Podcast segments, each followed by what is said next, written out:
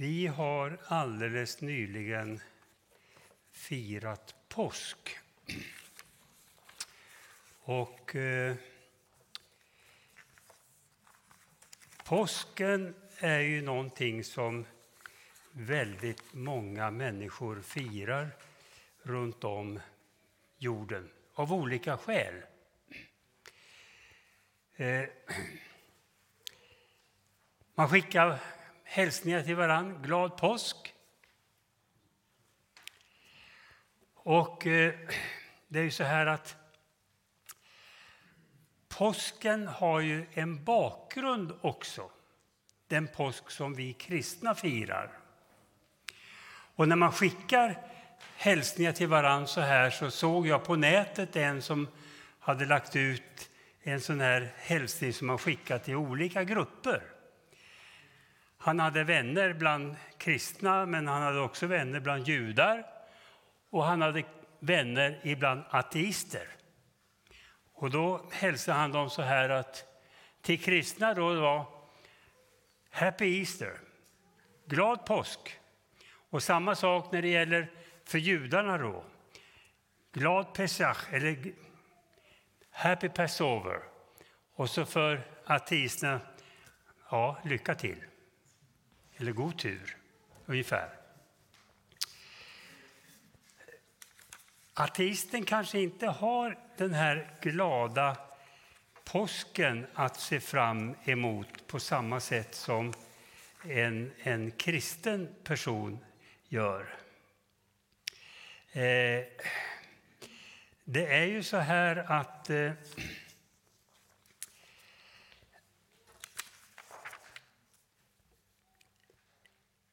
påsken mynnar ju faktiskt ut i en sak som är enastående i världshistorien. Här kom det en, en döing ut, inhoppandes, Lazarus. Ja, han kanske fick hoppa ut ur graven på det sättet. För Jesus uppmanar ju de övriga där att de skulle frigöra honom från bindlarna. För man lindade ju den som var död. Va? Och det, det blev en tom grav. Graven var tom på påskdagsmorgonen. Och Jesus hade dött på korset men uppstått igen. Och det är så här att påsken har ett budskap som vill lära oss någonting. Jag ska läsa ett bibelord lite längre fram här. Men alltså, det står faktiskt om det här att man ska lära sig saker och ting. Och det är klart, jag har lärt mig att läsa och skriva. Det är inte alla de som kommer till Sverige från andra länder som kan läsa, faktiskt. Det finns de som är analfabeter, därför att de har aldrig fått lära sig det från, från sin barndom. Det du inte lär dig, det kan du inte. Du kan inte sätta någon som aldrig har sett en dator vid datorn och be den sätta igång och programmera. Det krävs ganska mycket undervisning, att man lär sig för att kunna göra det. Och det står faktiskt i Ordspråksboken så här, den 22 kapitlet, sjätte versen.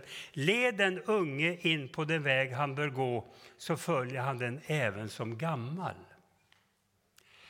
Och när man ser på vårt samhälle och vad som har hänt i påsk och förra årets påsk så är det inte bara ett budskap om fred, om försoning, om nåd, om liv. Utan det har varit mycket av oro, av sorg, kriminalitet. Förra året så var det i Norrköping det stora påskupploppet, för att ta ett exempel. Och det har skett sådana här hemska saker och människor som lever under krigssituationer. Men det har inte varit meningen att det skulle vara så från början. Vi hörde polis, rikspolischefen här var vi går. Han, han, han var på radion och, och man intervjuade honom. Och det talade om vad polisen försöker göra för att komma till rätta med kriminaliteten i Stockholm. Men det har inte varit tanken från början. Gud har faktiskt talat på olika sätt i olika tider och gett en vision också av hur det ska vara och hur det ska bli. I Jesaja, exempelvis det elfte kapitlet, där står det så här, och jag ska läsa innantill. Det, det, det är en fascinerande framtidsvision av hur, det, hur fridsriket ska bli och vara. Och då står det så här i den... Ja, vi kan läsa att på den tiden då, då ska vargar bo tillsammans med lamm och pantrar ligga tillsammans med killingar och kalvar och unga lejon och gödboskap ska samsas ihop och en liten gosse ska valla dem. Tänk en liten gosse gå och valla med lejon och grejer. va? Kor och björnar ska gå och beta, deras ungar ska ligga tillsammans och lejon ska äta halm som oxar. Det har inte skett än i alla fall. va? Och, deras, och ett dibarn ska leka invid huggorms hål och ett avant barn sträcka ut sin hand efter giftormens öga. Och så står det att ingenstans på mitt heliga berg ska man göra vad ont och fördärvligt är, ty landet ska vara fullt av Herrens kunskap, liksom havsdjupet är fyllt av vatten.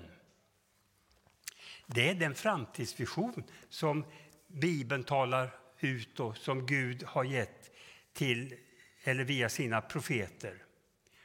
Hur var det från början? Ja, vi kan ju läsa, men vi ska inte ta upp det på skärmen här. Ifrån början så skapade Gud himmel och jord, står det. va? Och så till slut så, så står det att Gud säger vi ska göra människor till vår avbild, lika oss. Och de ska härska över skapelsen och Gud välsignade dem. Gud gav sin välsignelse över människorna. Och när allting det här var klart och såg Gud på det och det var gott, ja det var mycket gott. Fantastiskt. Och Gud ger människorna både vägledning och en varning.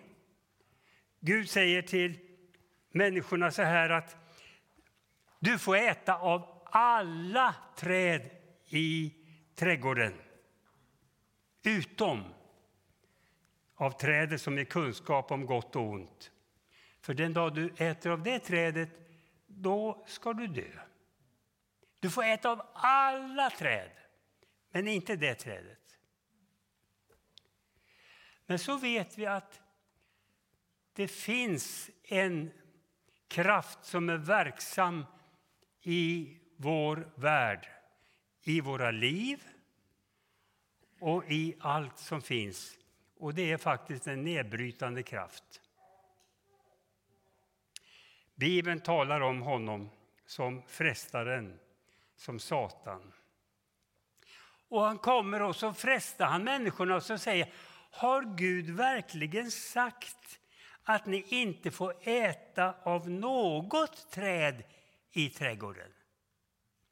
Han vränger alltså Guds budskap. Har Gud verkligen sagt att ni inte får äta av något träd i trädgården? Nej, det var ju inte så. Gud sa ni får äta av alla träd utom trä, det trädet av kunskap om gott och ont. Och vad blev resultatet av det här? Ja, det blev det som vi läser om i Bibeln om syndafallet. Människorna klarar inte av att leva på det sätt de skulle leva enligt Guds plan. Utan det blev problem, stridigheter. Ondskan fick grepp om människorna. Och så står det här faktiskt i, i Första Mosebok, det sjätte kapitlet, står att Herren såg att ondskan på jorden var mycket stor och människornas uppsåt och tankar var allt igenom onda.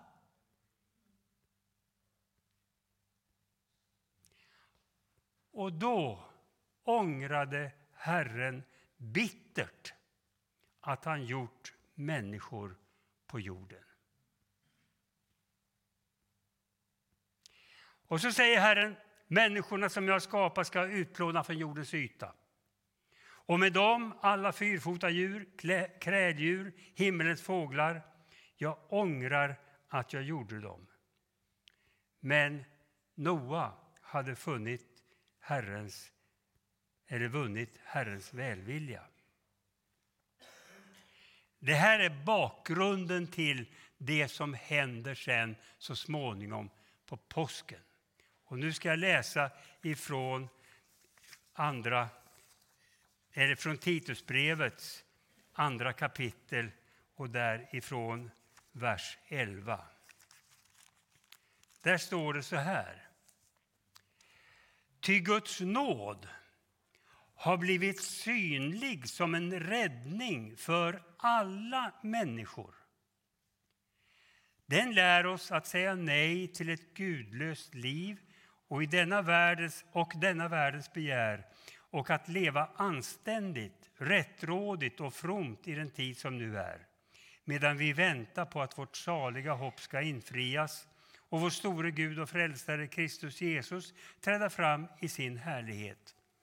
Han har offrat sig själv för oss för att friköpa oss från alla synder och göra oss rena så att vi blir hans eget folk uppfyllt av iver att göra vad som är gott.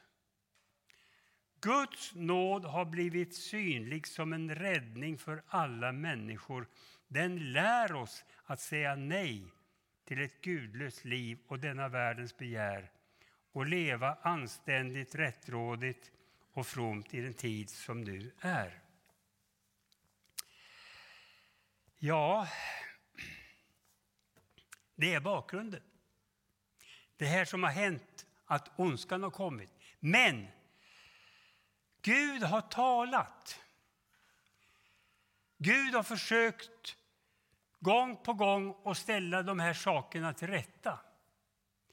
Gud ångrade att han hade skapat människorna, men det står också då att Noa hade vunnit Herrens välvilja.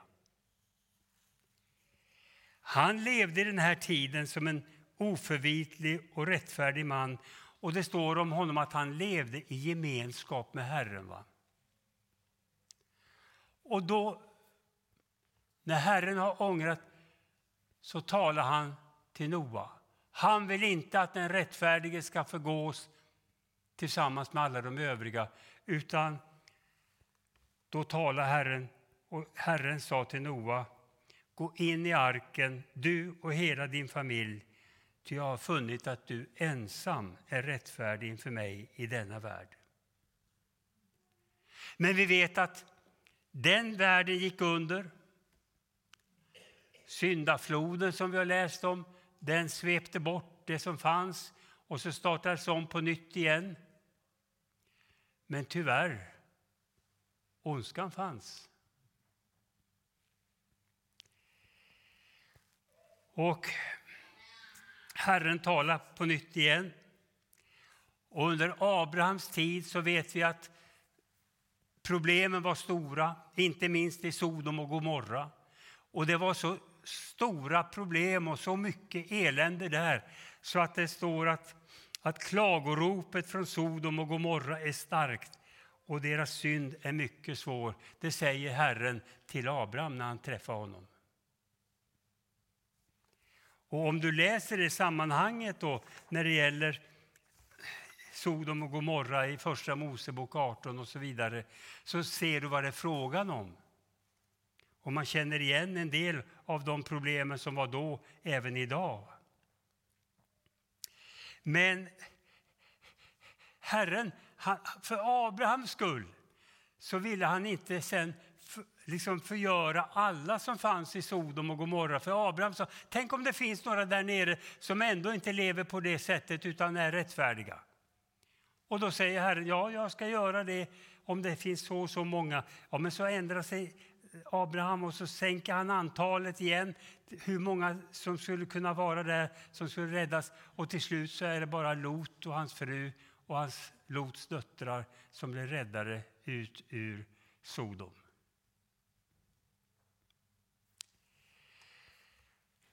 Och Gud själv han, han agerar inte bara på långt håll utan när du läser om det här så ser du att Herren säger till Abraham, jag går ner och ser efter om det verkligen har handlat så illa som det verkar av klagoropen från staden, det rop som nu har trängt fram till mig.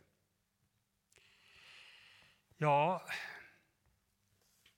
Herren talade till Abraham, kallade Abraham, gav honom välsignelsen och att hans efterkommande skulle leva i gemenskap med Herren. Och så vet vi hur Herren kommer igen framöver. Och nu kommer vi in på den påsk som judarna firar. Uttåget ur Egypten. Där var de slavar i 400 år. Tänk ett slaveri, leva som slav. Fram till mitten på 1800-talet så fanns det slavar i Europa. I Rumänien så var slaveriet godkänt fram till mitten på 1800-talet. Under 500 år har man haft slavar i Rumänien exempelvis. Och i Sverige fanns det väl slavar, om vi går tillbaka tusen år och sådär. Va? Och människorna, de ropar. Och ni som såg, var det någon som såg det här gospelprogrammet igår kväll på tv? Jag bara uppmanar, ni som inte har sett det, kolla upp det. Det var jättebra. Var kommer gospeln ifrån egentligen? Ja, det var ju slavarnas uttryck där de sjöng. Och där de sjöng om sin, sitt, liksom, svåra situation och hur de längtar efter frihet och så vidare. Va? Och I Andra Mosebok så, så läser vi om hur Israels barn rop till Herren hade nått fram och att Gud sen då kommer och uppenbarar sig för Mose. Och Det står om det här i Andra Mosebok tredje kapitel och fjärde versen. Då, såg, då Herren såg att han gick för att se efter ropade Gud till honom med törnmuskeln Mose, Mose. Och han svarade, ja, här är jag. Herren sa, kom inte närmare. Ta av dig dina skor, du står på helig mark. Och han fortsatte, jag är din faders Gud, Abrahams Gud, Isaks Gud, Jakobs Gud. Då skylde Mose sitt ansikte, han vågade inte se på Gud. Lite längre fram, när Mose då har talat med Gud, lyssnat på honom, så går Mose och för fram det Herren har sagt till folket. Och så står det i Andra Mosebok 24 och 3. När Mose kom och underrättade folket om vad Herren hade sagt om alla hans stadgar svarade alla med en mun. Allt vad Herren vill, allt vad Herren har sagt vill vi göra. Allt vad Herren har sagt vill vi göra. Sen skrev Mose ner allt vad Herren hade sagt. Men hur gick det? Gjorde man alltid allt vad Herren hade sagt? Nej, tyvärr. Det ondas makt och kraft påverkade människorna på ett sådant sätt så det blev inte så. Visst fanns det de som verkligen av själ och hjärta sökte Guds ansikte, levde i gemenskap med Gud. Och Gud talade på olika sätt genom sina tjänare och tjänarinnor. Men många, de flesta, de gjorde inte vad Herren hade sagt att de skulle göra. Trots att Mose då hade fått av Herren liksom på skrift vad Herren ville. Och Jeremia han klagar så här i 44 kapitlet och fjärde versen. Gång på gång, säger Herren, har jag sänt mina tjänare profeterna till er för att säga upphör med dessa vidrigheter som jag avskyr.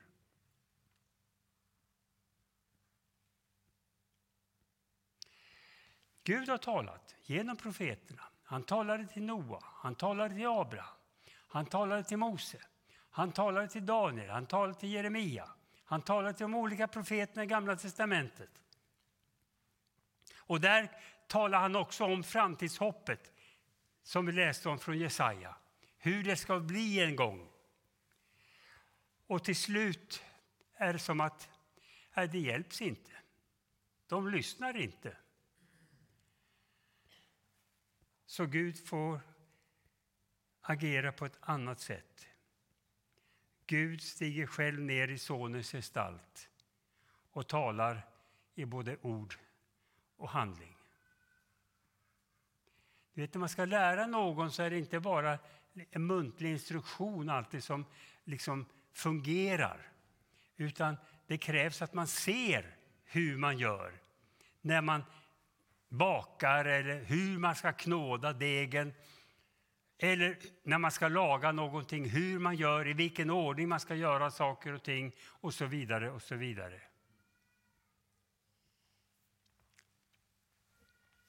Hebreerbrevets första kapitel, första vers. Många gånger och på många sätt talade Gud i forna tider till våra fäder genom profeterna. Men nu, vid denna tidens slut, har han talat till oss genom sin son som han har insatt till att ärva allting liksom han också har skapat världen genom honom. Så Gud kommer själv ner i Sonens gestalt. Och Jesus gick här, undervisade, läs bergspredikan. Människorna lyssnade, de omvände sig. Han kallade lärjungar, de följde honom. Men vi vet också att även om de följde honom så var det människor som inte hade egen kraft alltid att kunna följa. Och varför sände Gud sin son? Inte var det för att förgöra världen, förstöra, utan för att rädda och upprätta. Ty Gud sände inte sin son till världen för att döma världen utan för att världen skulle räddas genom honom. Och det är det som är påskens budskap. Och Jesus han säger så här. Jag ger mitt liv för fåren. Jag har också andra får som inte hör till den här follan och de ska lyssna till min röst och det ska bli en jord och en herde. Fadern älskar mig därför att jag ger mitt liv för att sedan få det tillbaka. Ingen har tagit det ifrån mig. Jag ger det av fri vilja. Jag har rätt att ge det och jag har rätt att få tillbaka. Detta har min fader bestämt för mig. Vi vet att lärjungarna som Jesus kallade och som sa sitt ja att följa honom de klarade ändå inte av provet.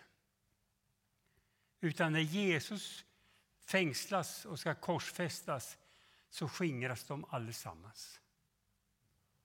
Petrus, han som hade sagt att även om alla andra överger dig ska jag inte överge dig. Han förnekade Jesus, inte en gång, inte två gånger, utan tre gånger.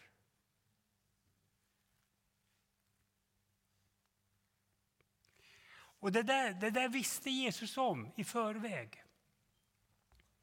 Att lärjungarna klarar inte det här i egen kraft, utan de behöver någon som hjälper dem. Och Jesus säger så här i avskedstalet att jag ska inte lämna er ensamma, jag ska komma till er. Jag ska sända er en annan hjälpare. Och han säger i slutet på sitt avskedstal, men ni ska få kraft när den helige Ande kommer över er och ni ska vittna om mig i Jerusalem och i hela Judeen och Samarien och ända till jordens yttersta gräns. Och vad hände? Efter påsken kommer pingsten. Påsken undervisa oss, lär oss, men pingsten ger oss också kraften, orken att kunna gå Guds väg. Petrus, som hade förnekat, på pingstdagen står han upp och förkunnar och bekänner Jesus som Herre och Frälsare. Är det någon som kan rädda den här världen så är det Jesus Kristus. Är det någon som kan rädda och förändra en människas liv så är det Jesus Kristus. Jag blev så uppmuntrad av det vittnesbördet som... Jag tror inte han är släkt med dig, Rauf. Men han heter som du i efternamn. Ajob, i Sankta Clara. Det var ett program om honom i påskas.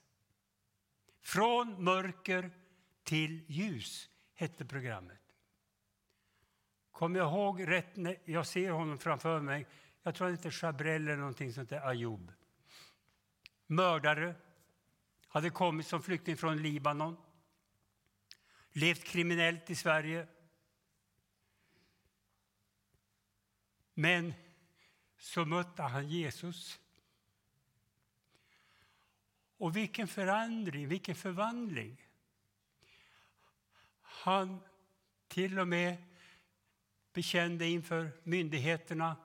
Han tog det fängelsestraff som han blev åtdömd. Och idag så är han en utav dem som hjälper till. Han är vaktmästare i Sankta Clara inne i stan. I programmet så ber han dem om förlåtelse som han hade begått brott emot. En livsförvandling. Det är det som kan förändra en människa. Man kan inte göra det i egen kraft. Paulus han säger själv att det jag vill, det gör jag inte, men det jag inte vill, det gör jag. Vem ska hjälpa mig, min arma människa, säger Paulus. Ja, det finns en, Jesus Kristus. Och det är därför det är hopp i det namnet. Det är därför det finns en framtid i det namnet för alla som ropar på honom. Och jag skulle vilja säga till dig, jag har själv fått göra det många gånger, när man upplever att det här klarar jag inte, eller jag har, jag har problem med den relationen.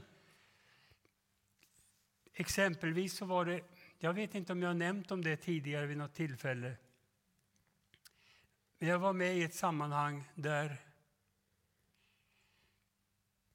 en av pingstpredikanterna, ganska väl, välkänd skulle jag vilja säga, i, i ett sammanhang, det var en missionsdag på ett ställe i Mellansverige här. Jag var med. Och det här är väldigt många år sedan nu. Det är, det är 50 år sedan. Och, och, den här brodern säger någonting då om mina föräldrar. Jag uppfattade det i alla fall så, att han sa någonting om mina föräldrar som jag visste, det här stämmer inte. Och jag fick ett agg emot den här predikanten. Och jag, jag kände, det gick något år Och jag kände att, att jag, jag blev låst av det på något sätt. Så jag bad Herre, hjälp mig. Och då kom jag fram till att jag var tvungen att gå och be honom om förlåtelse för att jag hade gått omkring och haft de känslorna. Så vid ett tillfälle där vi möttes så gick jag fram till honom och så bad jag honom om förlåtelse. Han stod som ett stort frågetecken. Han fattade ingenting. För han själv hade inte alls haft de tankarna som jag uppfattade att han hade om mina föräldrar. Tvärtom. Och jag blev löst. Jag blev löst. Det finns hopp i Jesu namn. Och påskens budskap det är att Guds nåd har blivit synlig som en räddning för alla människor. Alla människor. Har du inte bett en bön till Jesus förut, så gör det. Gör det. Jag ska avsluta med två citat. Har man den här upplevelsen, har man haft det här mötet med Jesus så att man vet att man tillhör honom, det är då man också får ha friden, Guds frid.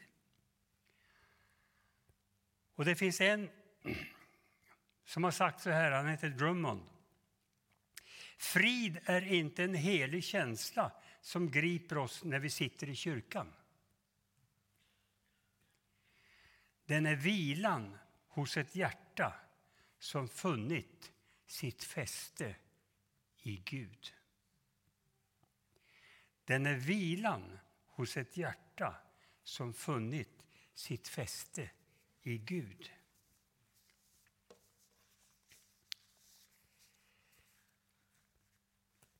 Spurgeon har ni kanske hört talas om. Han var ju en oerhört omtalad förkunnare i England. I hans sista predikan som han höll i det tempel där han predikade samma år som han dog då. Han dog i Nice. Han brukade vara i Nice i Frankrike eh, på vintertid och sådär, för det var varmare och skönare där nere. Det finns andra som åker ner nu för tiden också. Och han, säger, han predikar då över en text från Första Samuelsboken, 30 kapitlet, där det handlar om de som var med David för att befria sådana som har blivit tagna till fångar. Och sen så handlar det om att de som, det var trossen och det var de som hade varit med honom. Och sen tog man mycket stort byte, man skulle få del av allt det härliga. Och då fanns det en del av dem som hade varit med David som inte tyckte att de som hade varit i trossen skulle ha någonting utav det. Utan det var bara de som hade varit med David i själva striden. Men trossen, de som hade varit liksom backat upp bakifrån, de skulle inte ha någonting. Men däremot så, så säger då David att de ska ha lika mycket som de andra. Alla får lika mycket. Och det är det som är så fantastiskt när det gäller de som är troende på Jesus. Det står inte att ja, den, hon kommer få mycket bättre lön i himlen än vad hon kommer få. Eller han får mycket mer än vad han får. Utan de som är Guds barn, vi är Guds barn och vi får alla del av härligheten. Och så säger Spurgeon så här i sin sista predikan. Det som inte har någon herre är slavar åt sig själva. Beroende på det kommer du antingen att tjäna Satan eller Kristus. antingen dig själv eller frälsaren. Du kommer att finna synden, jaget, Satan och världen som hårda mästare. Men om ni bär Kristi dräkt kommer ni att finna honom så ödmjuk och ödmjuk av hjärtat att ni kommer att finna vila för era själar. Han är den mest storsinta av kaptenerna. Det fanns aldrig hans like bland de mest utsökta prinsarna.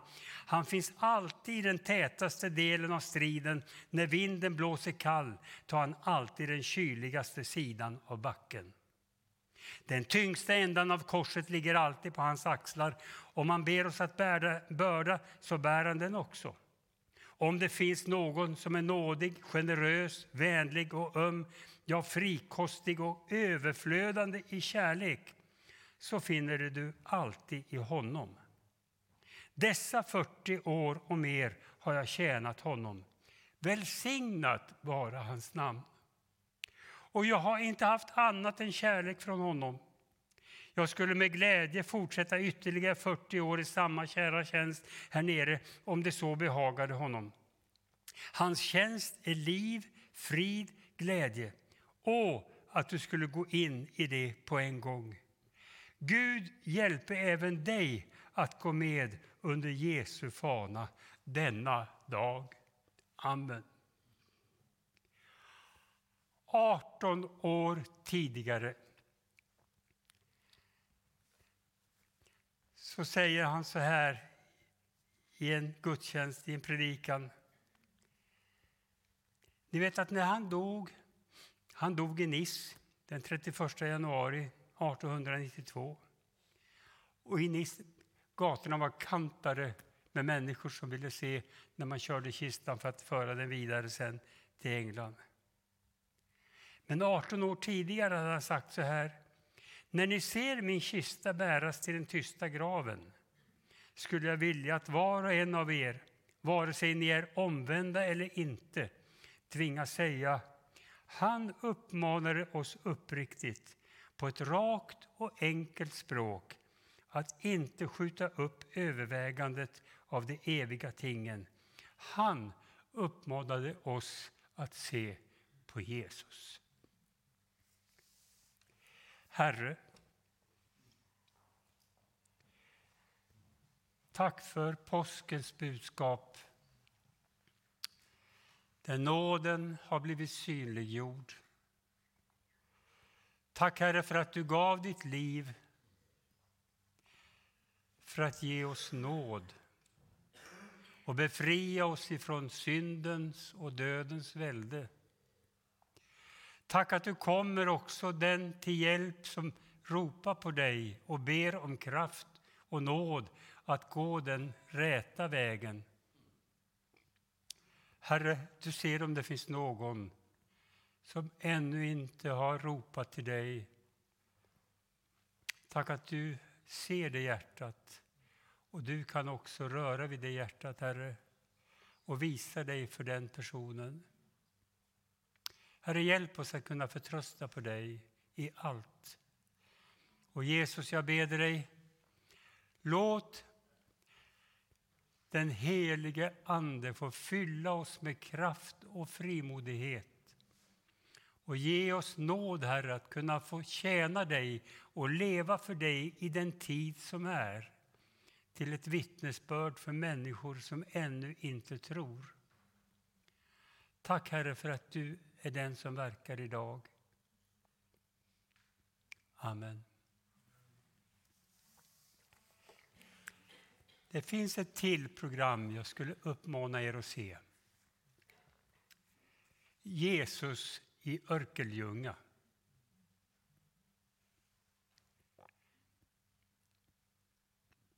Två unga grabbar, frimodiga, en av dem uppvuxen i Viken i Skåne utanför norr, nordväst om Helsingborg. Han hade inte hört talas om Jesus för han var 19 år. Märkligt.